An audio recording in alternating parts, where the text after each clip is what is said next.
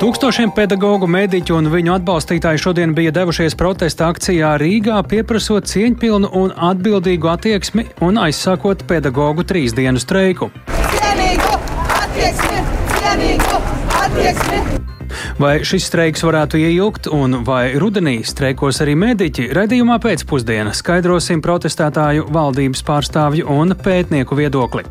Ķīnai nāks skaidroties par plašu rezonanci un nosodījumu izsaukušajiem savu vēstnieku izteikumiem par visu pēc PSRS sabrukuma radušos valstu statusu. Bet, lai atjaunotu mazo zīriņu populāciju, arī šogad būs aizliegts apmeklēt vairākas teritorijas triju upju grīvās. Arī par to tūdaļ ziņu raidījumā pēcpusdienā kopā ar mani Tāli Eipuru.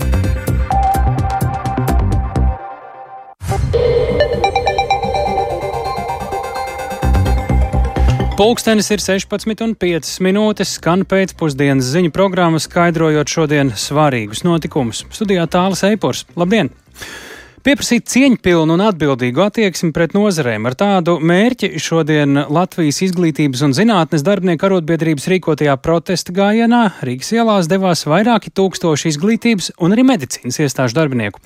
Par protesta akcijas norisi plašāk klausāmies Agnijas Lāsdiņas reportāžā. Skolotājiem jā! Skolotājiem jā! Ar atstarojošām zilas krāsas vestēm, uz kurām lasāms uzraksts pa vienam mēs lūdzam, kopā panākam, plakātiem, uz kuriem ir saukļi, kā pildiet likumus un solījumus, un nav skolu, nav problēmu, un arī karogiem rokās vairāki tūkstoši izglītības un zinātnes nozares darbinieku šodien devās pedagoģu arotbiedrības rīkotajā protesta gājienā. Viņiem pievienojās arī veselības aprūpas nozares darbinieki, kas arī vēlas tikt sadzirdēti. Kā uzsver gājiena dalībnieki, nozares pieprasa cieņpilnu attieksmi. Tas, ka mēs esam daudz un ka mēs tomēr beidzot stāvam par savām tiesībām un arī par to, kas mums pietrūks. Te ir tiešām cieņpilna attieksme vajadzīga. No vienas puses jautras, no otras puses bēdīgas. Skatoties, par ko mēs domājam, par šīs dienas, ka mēs sapulcējamies daudz. Tas ir jautri, tas ir patīkami. Bet no otras puses, to, ka bērni neiet uz skolu un valdībai domāt par, par skolotāju problēmām, nu, tas ir tāds vairāk sarežģīts noskaņojums. Es pat neesmu skolotāju skolotāji, bet es atbalstu skolotājus. Jo pret skolotājiem tā cieņa ir. Nezinu, kur viņi ir pagaisusi. Bet, manuprāt, skolotāji ir pelnījuši gan cieņpilnu attieksmi, eh, cieņpilnu atalgojumu. Un man liekas, ka skolotāji viņi taču veido Latvijas nākotni. Viņi ieliek bērnos pašu svarīgāko. Cienīgu attieksmi! Cienīgu! attieksmi. Protesta gājiens sākās Rīgā pie arotbiedrību nama bruņinieku ielā, tad dalībnieki lēnā gaitā devās cauri Rīgas ielām, gar saimas ēku, līdz nonāca Doma laukumā. Sveicināti visi izglītības, zinātnes un veselības nozares darbinieki! Gājiena noslēgumā Doma laukumā sekoja sapulce ar iesaistīto personu uzrunām. Pirms pedagoģa arotbiedrības vadītājas Ingas Vanagas uzrunas laukumā palaisti ziepju burbuļi, kas simbolizēja politiķu solījumus. Mēs šodien šeit esam pulcējušies, lai panāktu amatpersonu reālu, patiesu atbildību un cieņpilnu attieksmi pret visām šīm trīs nozarēm. Un aicinām arī citas nozares sekot, nesamierināties ar to, ka kāds var ignorēt kādu tiesību aktu, kādu doto solījumu, vai arī publiski izteikt viedokli un iedot kārtējo pļauku. Un tāpēc mēs esam šeit šodien vairāk kā 8000 pilns domu laukums. Protesta dalībniekus uzrunāja arī ministru prezidents Krišjānis Kariņš no jaunās vienotības, ko pavadīja klātesošie vilcieni un izsaucieni. Premjers pateicās pedagogiem, ar kuriem aprunājās gājiena laikā. Tāpat atzina kavēšanos ar pedagoģu algu paaugstināšanas grafika izstrādi un apstiprināšanu. Īsi pirms vēlēšanām, vēl iepriekšējās valdības laikā, bija apņemšanās un solījums izstrādāt nākamo pedagoģu algu pieauguma grafiku. Tas darbs kavējās.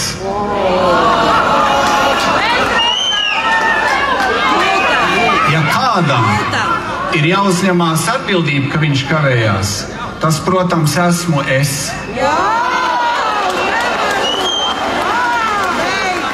Krišjānis Kariņš gan uzsvēra, ka valdības dotais solījums par pedagoģu algu celšanu tiks pildīts. Pēc gājiena pedagoģu arotbiedrībai plānota saruna valdībā.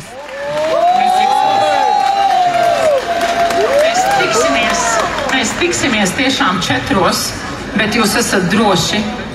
Līdzda saime, pedagoģu saime, zinātnieku saime prasīs pildīt visu vienošanos. Un, ja nē, tālāk lemsim. Agnija Lazdiņa, Latvijas radio. Jā, tepat aiz Latvijas radio loga, gatavojot raidījumu arī mēs patvērtiem logiem un pilnā skaļumā dzirdējām visas protesta akcijas uzrunas un visai vētraino, kā arī tikko klausījāmies dalībnieku reakciju. Bet vai un kādas būs reālās sekas streikam? Un šīs dienas gājienam un mītiņam mēs premjeru uzrunā arī dzirdējām uzaicinājumu pulksteņu četros tikties uz sarunām. Sarunām ministru kabinetā pirms, pirms brīža jau būtu jābūt sāktām, un tajās aicināt piedalīties Latvijas izglītības un zinātnes darbinieku arotbiedrības pārstāvji un izglītības un zinātnes ministre Anda Čakša paredzēts runāt par to, kas tad tālāk darāms, lai pilnveidotu izglītības sistēmu Uz kādu sarunu iznākumu cer visi iesaistītie interesējās Zanēniņas. Sveiki, Zane! Labdien! Jā, nu pat jau dzirdējām, ka Doma laukumā uzrunājot protesta gājiena dalībnieks, ministra prezidents Krišjāns Kariņš pauda, ka pie tā, ka streika prasības izpildītas ar novēlošanos, esot vainīgs tikai viņš, taču esot jāturpina sarunāties, lai visu, kas nav atrisināts, atrisinātu. Uzdevu viņam jautājumu, kam jānotiek, lai streiks nepagarinātos, un lūk, kā Krišjāns Kariņš atbildēja. Man eh, līdz galam nav skaidrs, jo līdz šim izglītības ministrija apgalvo, ka tas, ko mēs esam pieņēmuši, ir pilnībā saskaņā ar to, kas bija sākotnēji runāts.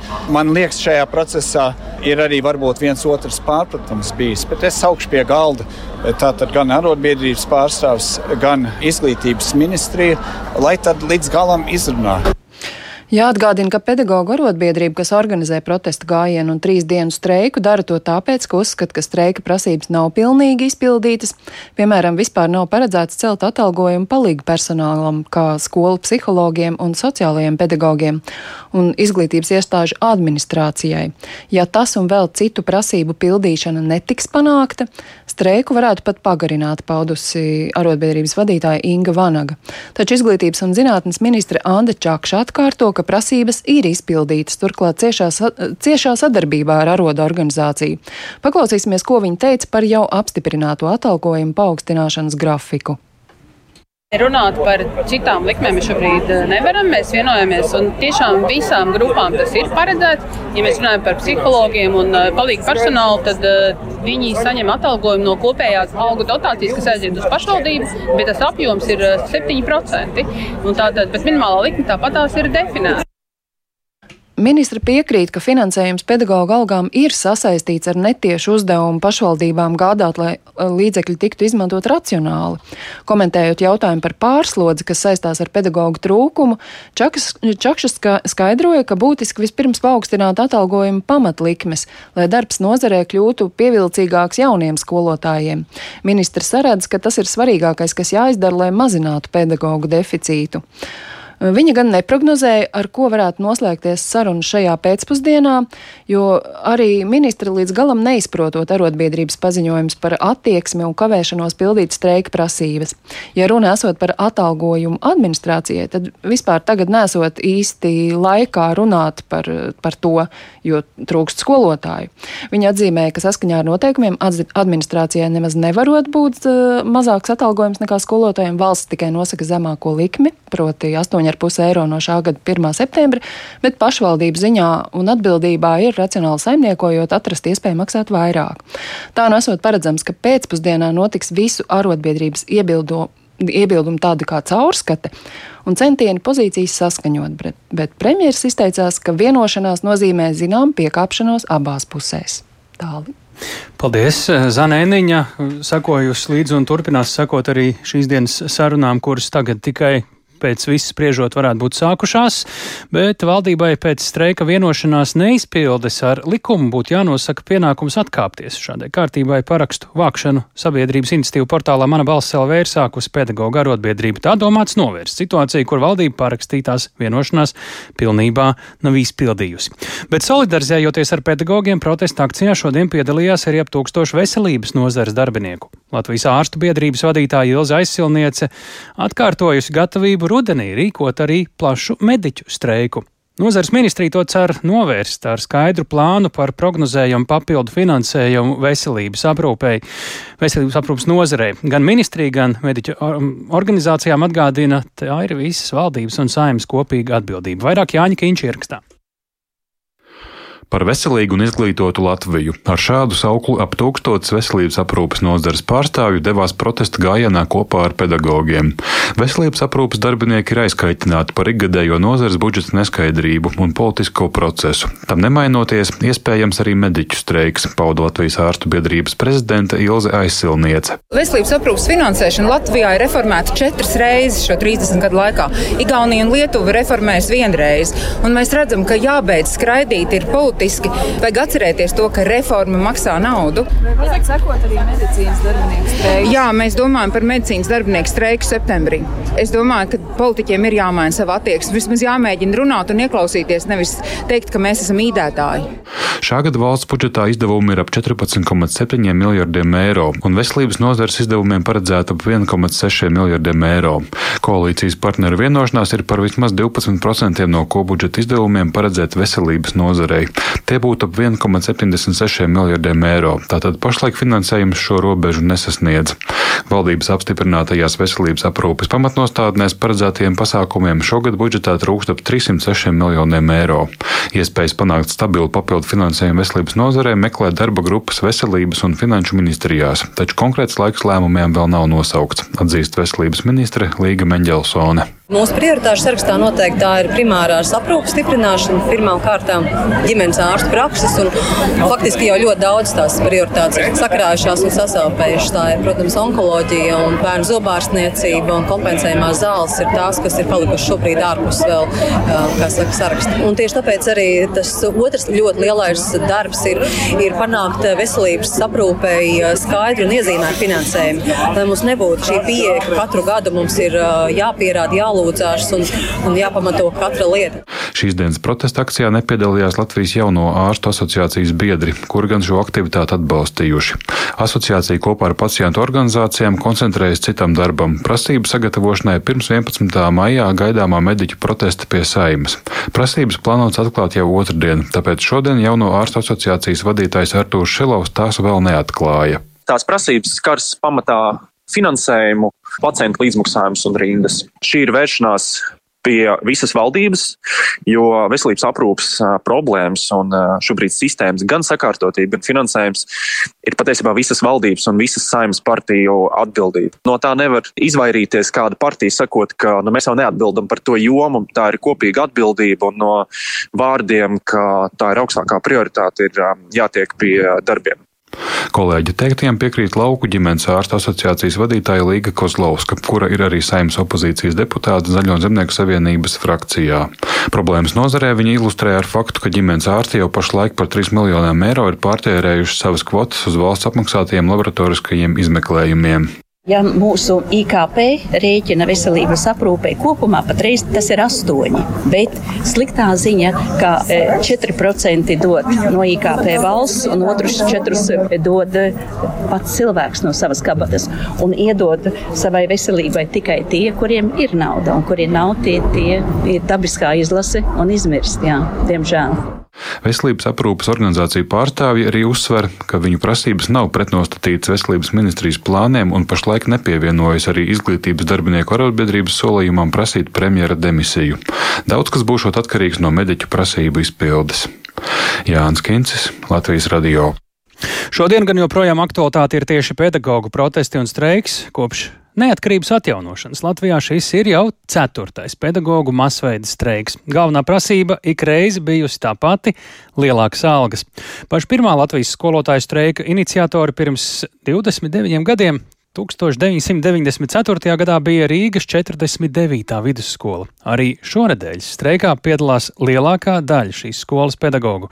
Ar kādām domām protestus sagaidīja tie, kas cerībā uz algu pieaugumu streikoja jau gandrīz pirms 30 gadiem, un kā skolotāji pēc trīs streika dienām plāno tik galā ar robiem mācībās klausāmies ievas puķes sižetā. Labdien! Labdien. Šodien neierasti kluss. Nav neviena skolēna. Nē. Visi ir mājās. Mēs varam dežurantei paprasīt, vai kāds bija atnācis vai nebija. Tur bija kāds šorīt no skolēniem, kurš nebija pamanījis. Nē, viens puisis bija atnācis, bet kur viņš aizgājis, nezinu. Pie Rīgas 49. vidusskolas durvīm pirms pedagoģa gājienu uz Doma laukumu mani sagaida direktora vietniece izglītības jomā Dace Reknere. Arotbiedrības māja, kur gājiens sākas, no skolas ir rokas stiepiena attālumā. Pedagoģi vēl pēdējā brīdī zīmē plakātus. Par solījumu pildīšanu, reformām resursus, cieņpilnu attieksmi. Streikā no skolas 75 skolotājiem piedalās vairāk nekā 80%.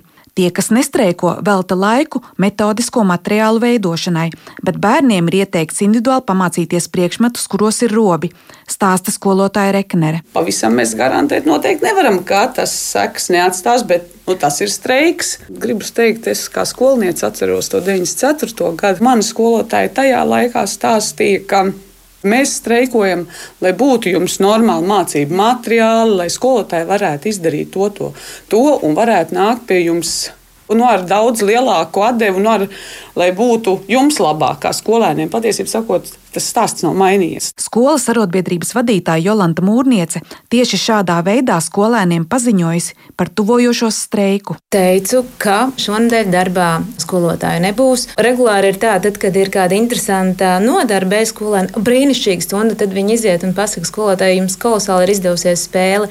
Bet uh, tad mēs viņiem, ar viņiem runājam par to, ka, nu, diemžēl, katru reizi, katru stundu To nav iespējams izdarīt, jo dienā ir jānovada septiņas kontaktstundas, un, uh, un tad ķerties pie spēļu ražošanas, diemžēl. Un uh, šobrīd, mēs ejam streikot par to, lai mūsu slodzi būtu sabalansētāka. Šajā skolā joprojām strādā arī pedagoģi, kuri piedalījās vēsturiskajā 1994. gada decembra streikā. Dumpja iniciatori toreiz bija Rīgas 49. vidusskolas pedagoģi, kas nesaņēma solīto septiņu latu algas pielikumu. Skolotāja darba algas likme bija niecīga ne tikai mūsdienu izpratnē - 42 lati.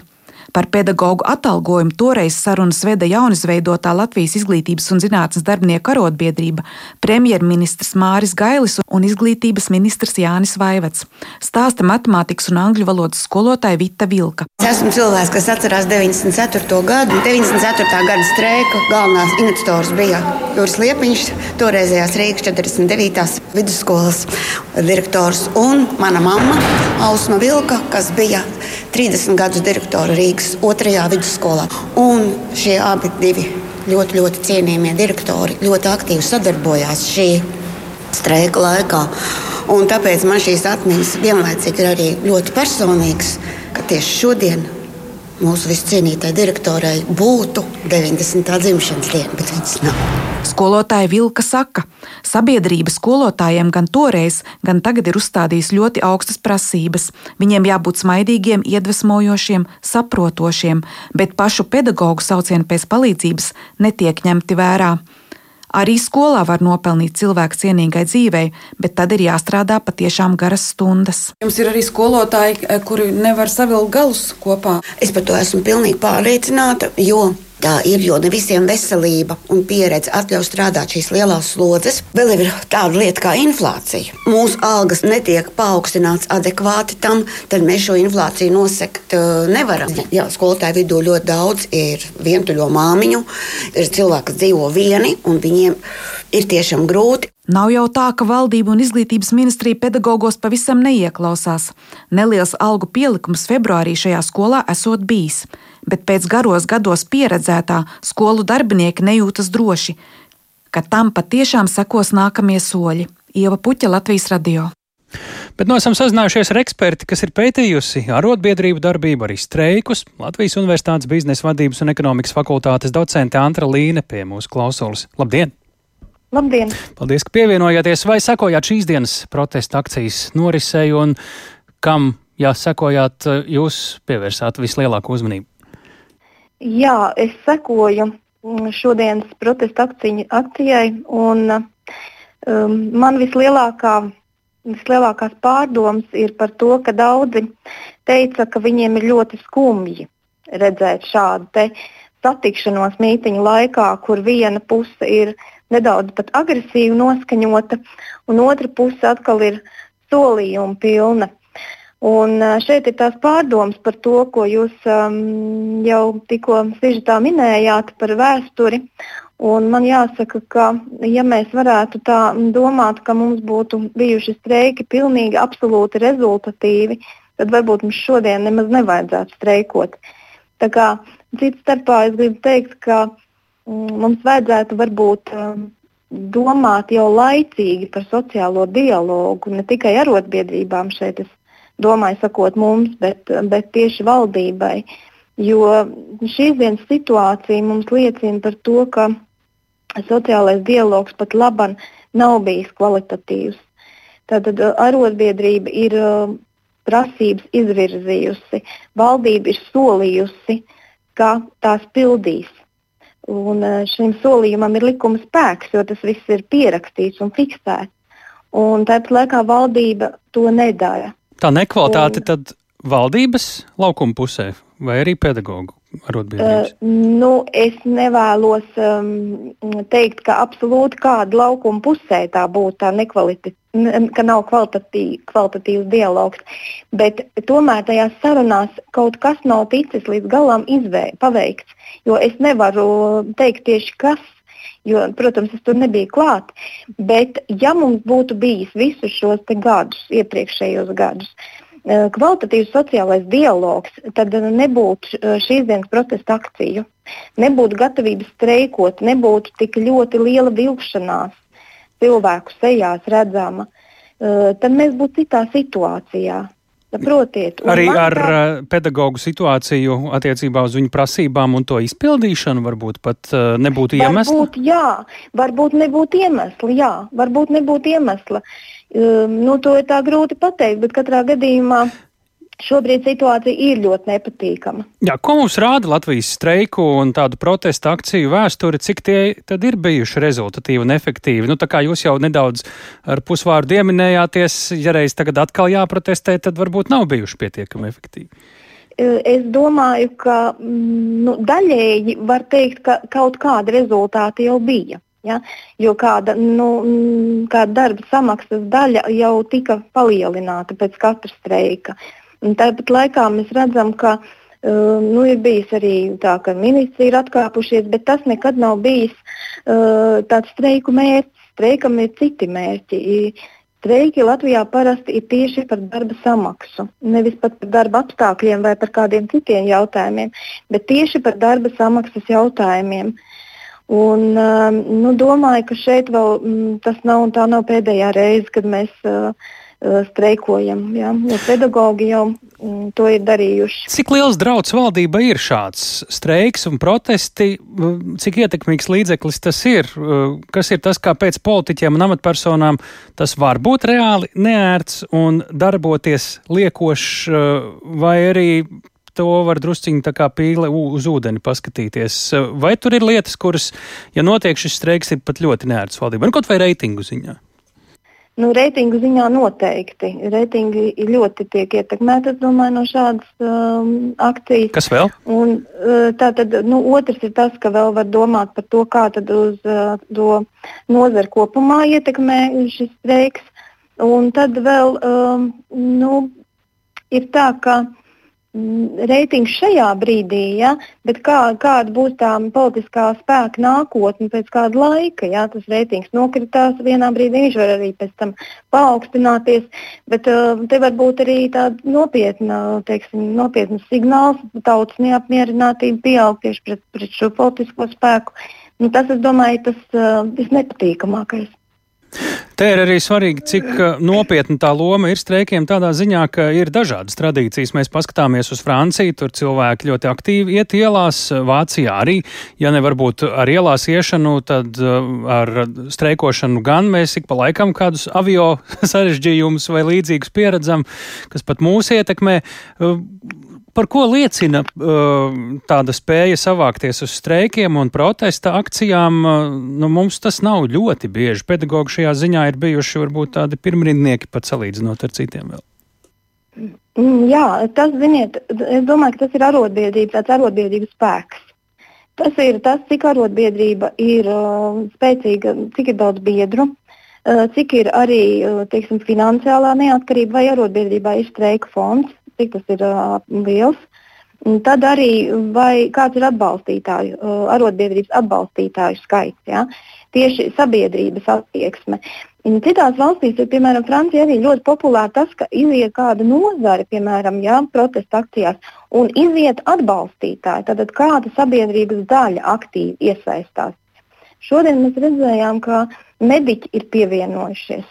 Ja, bet mēs neredzējām to, ka kāda sabiedrības daļa, piemēram, vecāki, ja, bērnu vecāki arī pievienotos. Mēs šodien redzējām, ka jā, studenti atbalsta augstskolu pedagogus, kas arī nu, Latvijas situācijā jau ir labi, jo šīs tieši sabiedrības atbalsta pietrūkst Latvijā. Sakām lielu paldies par ekspertīzi Latvijas Universitātes biznesa vadības un ekonomikas fakultātes docentei Antrai Līnei. Šobrīd visticamāk valdības mājā turpinās vai vajadzētu notikt sarunām starp valdību un pedagoģu arotbiedrību, ņemot vērā šīs dienas protesta akciju. Bet eh, pēc brītiņa par to, ka Ķīna taisnojas par savu vēstnieku izteikumiem attiecībā uz bijušo PSRS republiku valstiskumu, kā arī būtiski ierobežojumi vairāku Latvijas upju grīvās pie jūras, par ko tieši runa jau pēc brīža redzījumā pēcpusdienā.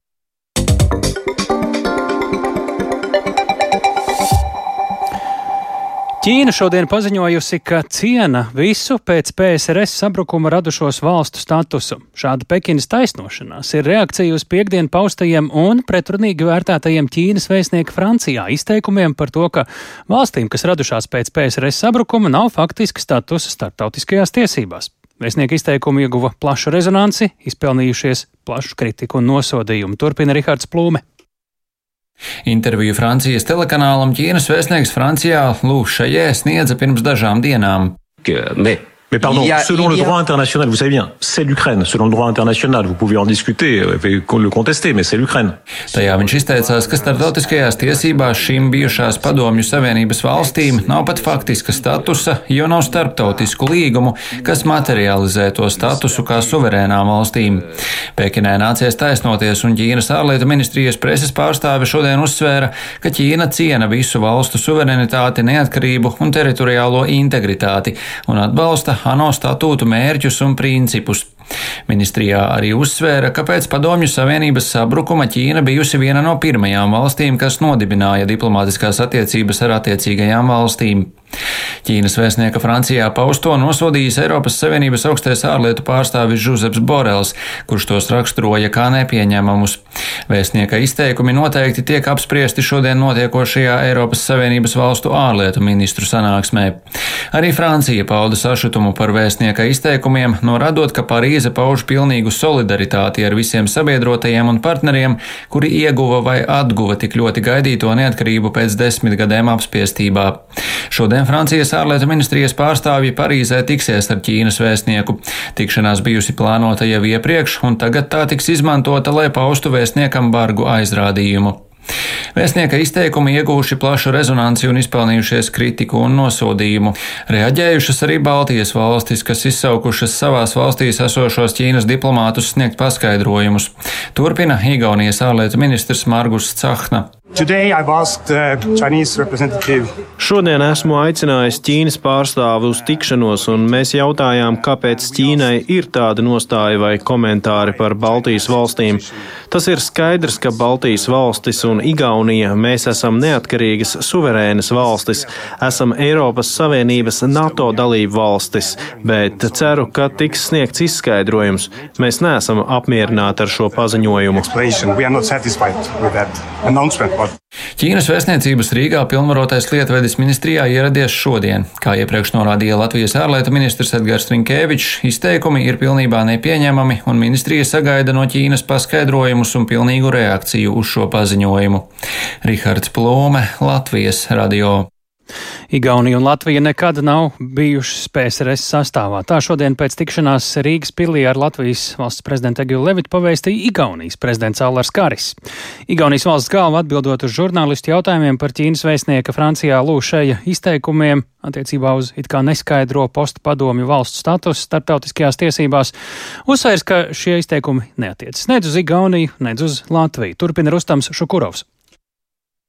Latvijas prezidents pirmdien Rīgas pīlī rīkotās preses konferences laikā uzsvēra, ka Ķīnas vēstnieka Francijā izteikumi neatspoguļo Ķīnas oficiālo pozīciju šajā jautājumā, piebilstot, ka tiem nevajadzētu pievērst pārlieku uzmanību. Levits arī uzsvēra, ka reģiona un visas NATO stiprināšanai ļoti nozīmīgs ir Somijas lēmums iestāties aliansē. Levits pauda pārliecību par to, ka jūlijā Viļņā rīkotajā NATO samita laikā nepieciešams panākt konkrētu un izmērāmu progresu jautājumā par Ukrainu Ukrainas piebiedrošanos NATO dalību valstu saimei. Nepietiek vairs tikai teikt, NATO durvis ir vaļā, ko mēs esam teikuši jau 15 gadus. Mums ir jābūt konkrētai ceļa kārtei, kā e, Ukraina varēs pievienoties NATO. Tajā pašā laikā Latvijas prezidents atzīmēja, ka Latvijai ir jāiegulda valsts drošības stiprināšanā, uzsverot, ka tiek veikts darbs, lai līdz 2025. gadam palielinātu valsts aizsardzības budžetu līdz 2,5% no iekšzemes koprodukta. Tikmēr runājot par ekonomisko izaugsmi, abu valstu prezidenti atzīmēja, ka tās pamatā ir enerģētikas un infrastruktūras projekti. Prezidenti pauda vienotu nostāju par to, ka Rail Baltica projektam jābūt īstenotam pēc iespējas ātrāk. Tika atzīmēts, ka kopīgā Latvijas un Igaunijas pārobežu atkrastes vēja enerģijas projekta Elvinda realizēšana būtiski palielinās Baltijas reģiona enerģētisko neatkarību. Bez uzmanības abu prezidentu tikšanās laikā nepalika arī Baltijas valstu sabiedrības saliedētības jautājumi. Karis atbildot uz žurnālistu jautājumu par soļiem, kas tiek spērti, lai panāktu sabiedrības saliedētības līmeņa kāpumu Igaunijā, uzsvēra sabiedrisko mediju lomu. Ir svarīgi nodrošināt visu valsts iedzīvotāju piekļuvi patiesai informācijai, neatkarīgi no tā, vai viņi ir Igauni, Krievi, Baltkrievi vai kādas citas nācijas pārstāvji. Karis uzsvēra arī to, ka Igaunija bloķējusi Krievijas propagandas mēdījus valstī, atzīmējot, ka Igaunijā darbojas sabiedriskais medijs, kas piedāvā saturu Krievu valodā. Rustams Šukurovs, Latvijas Rādio. Nu, par citu tēmatu. Lai atjaunotu mazo zīriņu populāciju, apmeklētājiem būs slēgta teritorija pie Gaujas un vēl divu upju - Irbes un Čikana ietaks jūrā. Ierobežojums būs spēkā no 1. maija līdz pat 31. jūlijam. Tā ziņo dabas aizsardzības pārvaldē. Kāpēc šādi ierobežojumi vajadzīgi un kā tie darbosies uz mūsu jautājumiem pie klausulas atbildēt ir gatava Gunta Gabrāna, dabas aizsardzības pārvalda projekta Life Reef koordinātore. Labdien!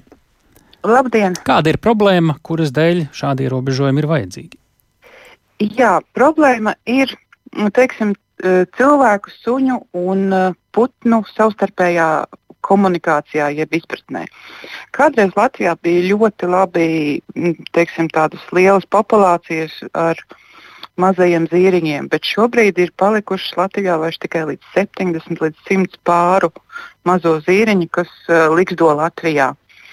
Un, nu, tāpēc tieši ir jāslēdz šīs uh, trīs upju grīvas, kas būtu mazo zīriņu likstošanas vieta. Un ļoti daudz cilvēku uzreiz jautās, kāpēc, kur ir, tā, nu, kur ir sāls. Vienkārši, kad putniņš liksto mazais, maziem zīriņiem un citiem putniņiem, kas liksto pie jūras, viņi perē un audzē mazuļus tieši smiltīs. Un likdošanas laikā šie putni ir ļoti jūtīgi pret cilvēku radītiem traucējumiem.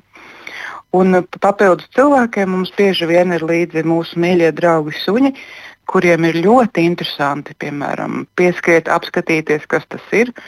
Un līdz ar to sunīts iztraucē un sabaida vairāk putnus, nekā mēs pat spējam iedomāties. Tāpēc šīs trīs upju grīvas tiek uz laiku slēgtas.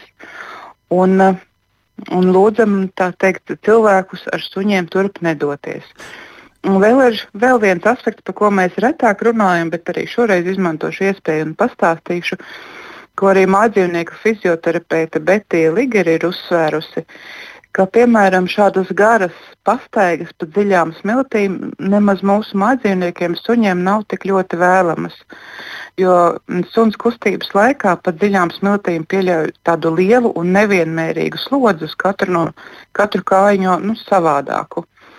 Un, ja tās kustības ir ļoti straujas, tad tas var radīt kaut kādas traumas un ir ļoti liela slodze gan locītavām, gan saitēm, gan muskuļiem. Jā, tā kā šo, šo tad droši vien katrs papētiet arī precīzāk, jo, nu, gan jau, ka tas jau bieži to dara, tā var būt, bet kādi tad būs šie ierobežojumi, kā tie darbosies, kā izpaudīsies tas liegums Jā. tur ienākt? Uh, Un cik plašā Tieši... teritorijā arī? Nē, pamatā tas ir apkārt uh, upju grīvām. Tā teritorija nav nemaz tik šausmīgi liela, bet ierobežojumi tiks uzstādīti kā uh, sētiņas, jeb uh, stabiņš, šn, uh, šņurīte, stabiņš, šņurīte. Tas nebūs tāds tā kā liels nepārvarams žoks. Un tur vienkārši būs uzstādītas zīmes, ka lūdzu tālāk neiet. Tālāk ir slēgts. Vai arī angļu valodā, vai citās valodās, lai būs, turisti taču arī mums vasarās? Jā, būs trīs valodās - latviešu, angļu un krievu valodā. Jo to informāciju varēs izlasīt un doties prom. Cerams. Tur lietuvieši arī gauni brauc. Es domāju, lietuviešu angļu valodā jau arī ir spējīgi. Labi. Uh, tad cik plaši ap šo upi, uh, cik tālu no grīvas pašas varētu parādīties tā sētiņa? Kādus trīs kilometrus pirms grīvas. Tas ir tā kā un pa arī... upi, un, bet liedagā? Bet tieši liedagā šīs ah. sētiņas tiek uzstādīts. Jo cilvēks ejot pa liedagu, viņš aizies līdz sētiņai, kur viņš jau var izlasīt, ka tālāk lūdzu neejam. Kā to kontrolēs? Jā, to kontrolēs dabas aizsardzības pārvalde. Cik vien spējas. Protams, mēs nevaram teikt, ka tur būs 24, 7 inspektori pie sētiņām, bet nu, tiešām inspektori papildus piegriezīs vērību šīm teritorijām. -hmm. Mazais zīriņš, tas ir tas pats upes zīriņš, kas eh, te uz kādreizajā preses nama, ko mēs runājam, vai tas ir vēl cits zīriņš? Nē, tas ir cits zīriņš. Ir gan mazais zīriņš, gan, gan upes zīriņš. Un, Respektīvi, zīriņi ir vismaz kādas trīs vai četras sugas Latvijā. Mm. Kāda ir iepriekšējo gadu pieredze? Es saprotu, mēs jau esam pamēģinājuši to, uh, ko mēs varam teikt par uh, esošajiem un vēl gaidāmajiem rezultātiem šādai Iepriekš, nu, mēs, mēs pamēģinājām pirmo gadu pagājušajā gadā, šogad būs otrais gads. Pirmajā gadā mēs secinājām, ka, protams, ir vēl daži cilvēki, kas neskatoties uz uh, informāciju, tomēr šķērso, labi zinot, ka nedrīkst.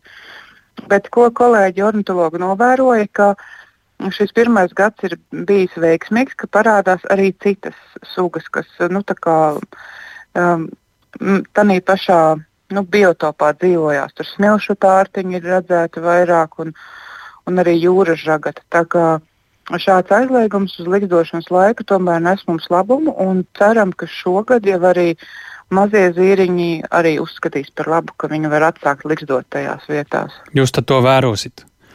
Jā, noteikti, un arī pārbaudīsim. Un to, kā, nu, kā ornitologs stāsta, tiks veikts monitorings, ļoti monitorēs. Cik pamatotas ir cerības, ka tam var būt sekmes, jo jūs arī paši vēstāt, ka šie mazie zīriņi, tā pašā gaujas grīvā, nav liksdojuši jau kopš, tūkst, kopš 2010. gada. Jā, jo teiksim, tur arī netika pie tāda pastiprināta uzmanība pievērsta un netika ieviesti šie aizliegumi.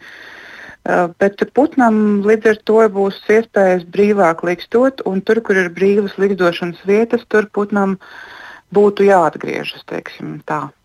Um, Tā kā, nu, mūsu izpratnē tas ir pamatoti. Varbūt, ja ne šogad, tad nākošais gads. Bet nu, trīs, četru gadu laikā mēs ceram viņus ieraudzīt tur atpakaļ. Jā, um, kāpēc tieši šīs trīs upes gauja? Irbe un uh, upe vai upīte, jāsaka tā, ar uh, reti dzirdētu vīriešu dzimtē nosaukumu ķikans, uh, kas ir turpat pie Irbes. Jā. Es paskatījos, vai daži kilometri uz ziemeļiem sanāca vai nu uz augšu. Kāpēc tieši šīs grīvas īsumā? Tās grīvas bija eh, ar populācijām visbagātākās kolonijas. Līdz ar to mēs ceram, ka viņas vienkārši turpatās ir atgriezīsies tie putni, jo līdz šim tur bija ļoti lielas un stabilas populācijas. Un, ja gauja tas bija 2010. gads pēdējā reize, tad ķikans un irbe, kā tur ir bijis pēdējos gados? Ķikans un irbe mm, aptuveni pirms 20 gadiem bija liela stabila populācija, kas ir gājusi mazumā, mazumā un mazumā. Bet vēl ir. Bet nu, vēl ir jātur vēl tie 70 līdz 100 pāri pa abām brīvām sanāk. Un tad jācer, ka kāds atlidos arī līdz gaujai. Un Par citām upēm mums droši vien būtu jāparunā arī citā sarunā. Ir kaut kur citur arī kādās grīvās, ja? Pavisam divos nu, vārdos. Droši, droši vien ir, bet nu, mēs šobrīd koncentrējamies un skatāmies, tā, ka, lai būtu saglabātas un atjaunotas tiešām tās uh, vietas, kur bija šīs stabilās lielās populācijas. Paldies par sarunu Guntai Gabrānai, dabas aizsardzības pārvaldes projekta Life Reef koordinatorei. Tātad atgādinām, lai atjaunotu mazo zīriņu populāciju, apmeklēt, apmeklētājiem būs slēgta teritorija pie Gaujas un vēl divu upju irbes un ķikana ietakām. Jūrā. Šis bija raidījums pēcpusdiena. Ar jums kopā studijā bija Tāls Eipurs, raidījumu gatavoja Ilza Aginta, arī Uldis Grīmbergs, Rita Kārnača. Pavisam noteikti šo raidījumu meklējiet arī Latvijas radio mobilajā lietotnē, nosaukums dienas ziņas un arī lielākajās raidierakstu platformās.